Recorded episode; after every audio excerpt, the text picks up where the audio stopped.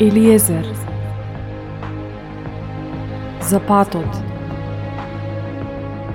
За вистината. За животот.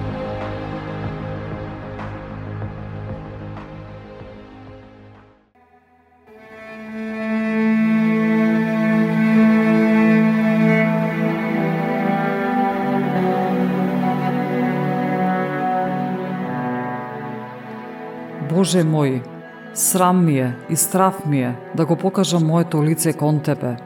Боже мој, зашто беззаконијата ни надвисна над нашите глави и вината ни нарасна до небото. Од дните на нашите предци до денес, ние сме во голема вина.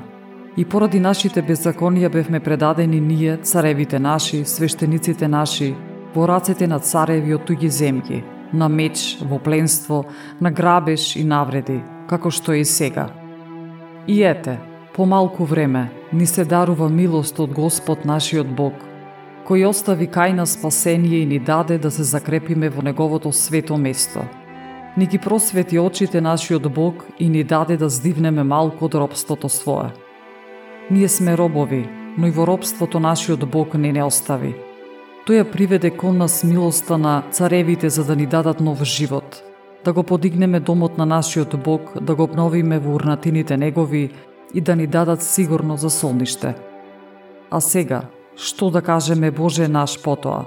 Зашто ние отстапивме од Твоите заповеди, што ни ги даде преку Твоите слуги, пророците, велики, земјата во која одите за да ја завладеете земја нечиста, Таа извалкан од нечистотиите на народите од туѓи племиња, со нивник на соти и со кои ја наполнија од крај до крај со своите нечистотии.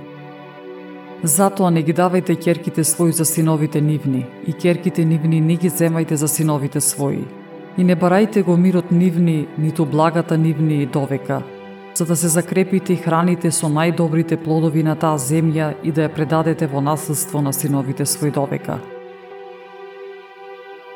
и по се што не снајде поради лошите дела наши и поради големата вина наша, и зашто Ти, Боже наш, не поштеди не според беззаконието наше, туку ни даде такво избавување.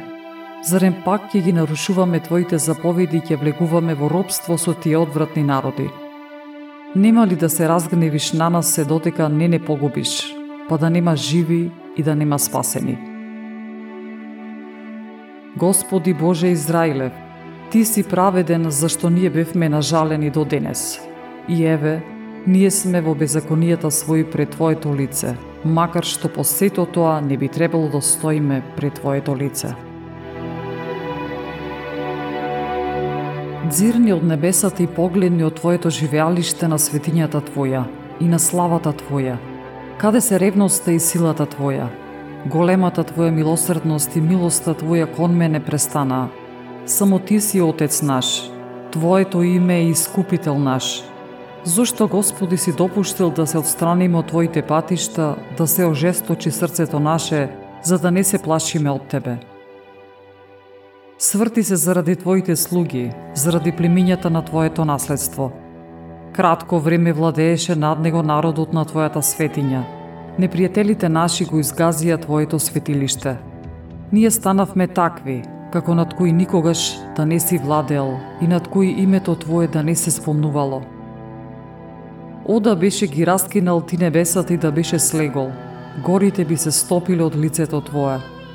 Како оган што растопува восок, како од оган што вода зоврива.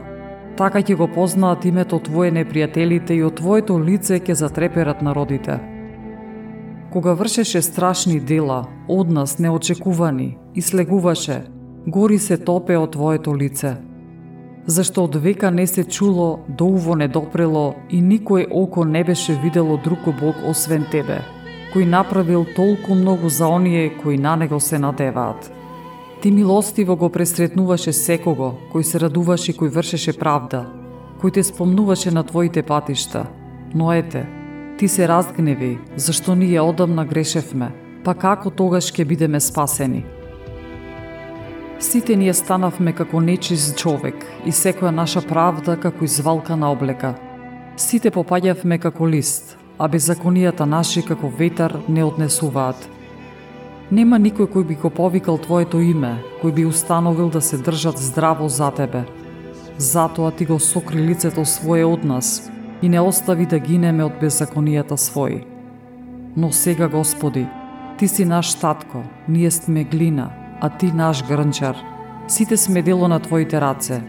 Немој да се гневиш безмерно, Господи, и немој вечно да го помниш беззаконието. Но погледај, сите сме Твој народ. Градовите на Твојата светиња стана пустелија. Домот на нашата светиња и на нашата слава, каде што татковците нашите прославуваа, одоган изгоре, а сите наши добра така пропаднаа. По во ова, Ке се воздржуваш ли уште, Господи? Ке молчиш ли и ке не казнуваш ли без мерка?